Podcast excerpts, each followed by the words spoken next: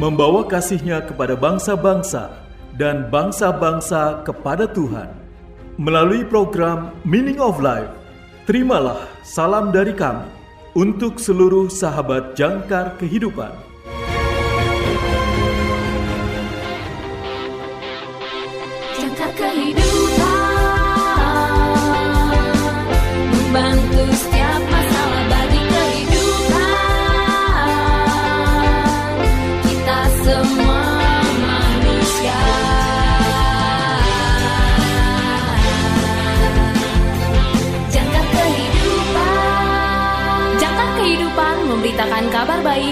Kita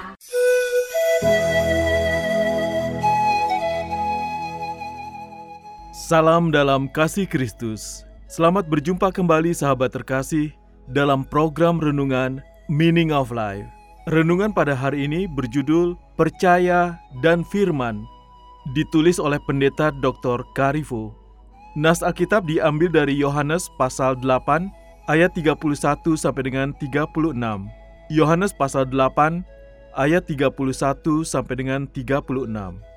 Inilah firman Tuhan.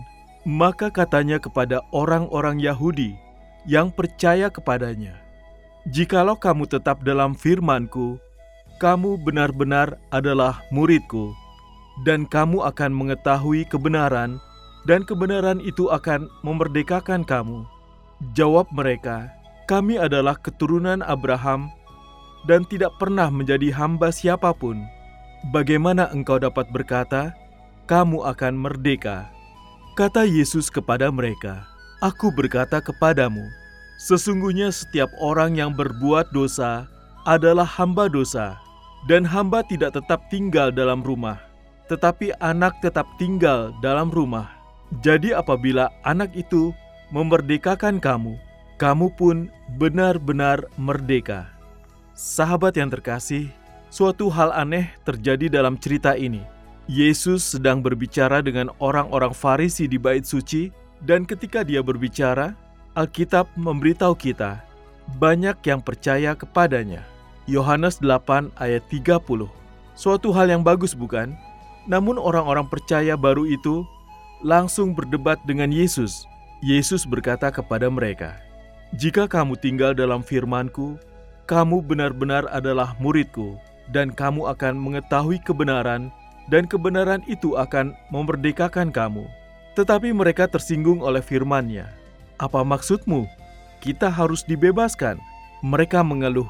Mereka menjadi lebih tersinggung saat pertengkaran berlanjut dan akhirnya mengambil batu untuk membunuhnya. Dan mengapa? Yesus berkata, "Karena firmanku tidak mendapat tempat di dalam kamu." Yohanes 8 ayat 37b. Sahabat yang terkasih, apa pun maksud Alkitab ketika pertama kali mengatakan bahwa mereka percaya kepadanya. Jelas itu bukanlah jenis iman yang seharusnya mereka miliki. Jenis iman yang mempercayai firman Yesus, jenis yang tinggal di dalam pesan Yesus dan menghargai Injilnya. Kita tidak dapat memisahkan Yesus dari firman-Nya. Tidak mungkin mengasihi dan menaati Yesus dengan setia dan pada saat yang sama menolak firman-Nya. Seperti yang dikatakan Petrus, Tuhan, kepada siapakah kami akan pergi? Engkau memiliki firman hidup yang kekal. Yohanes pasal 6 ayat 68b. Sahabat yang terkasih, Yesus memanggil kita untuk tinggal di dalam firman-Nya, untuk menjadikan rumah kita di dalamnya, untuk mencintai dan menghargainya.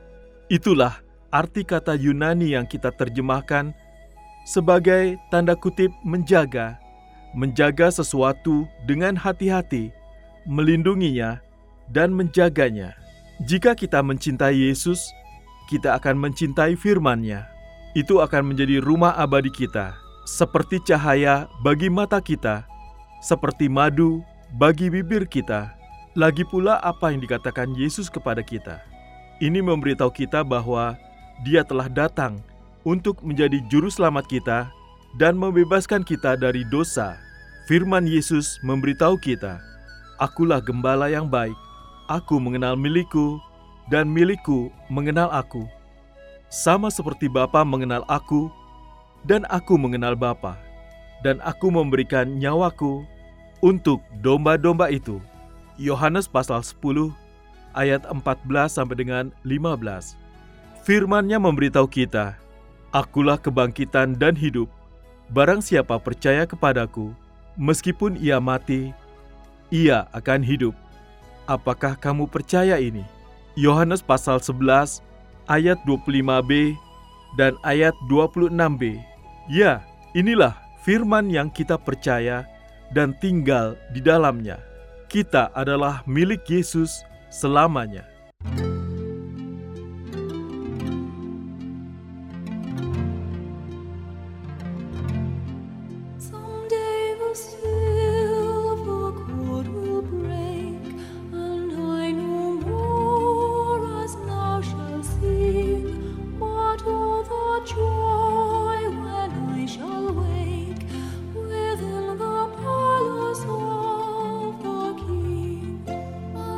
I shall see him face to face.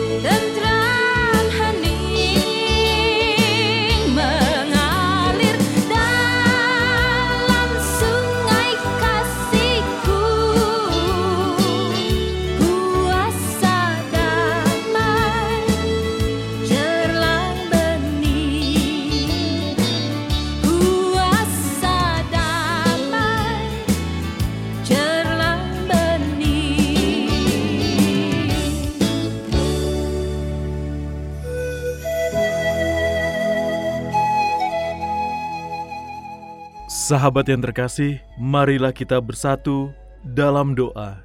Ya Tuhan, tunjukkan padaku bagaimana tinggal di dalam firman-Mu. Amin. Terima kasih saudara sudah mendengarkan program Meaning of Life. Persembahan Yayasan Jangkar Kehidupan. Jika saudara membutuhkan dukungan doa, silakan hubungi kami. Yayasan Jangkar Kehidupan di nomor 0853 1056 8008 0853 1056 8008 Tuhan Yesus memberkati.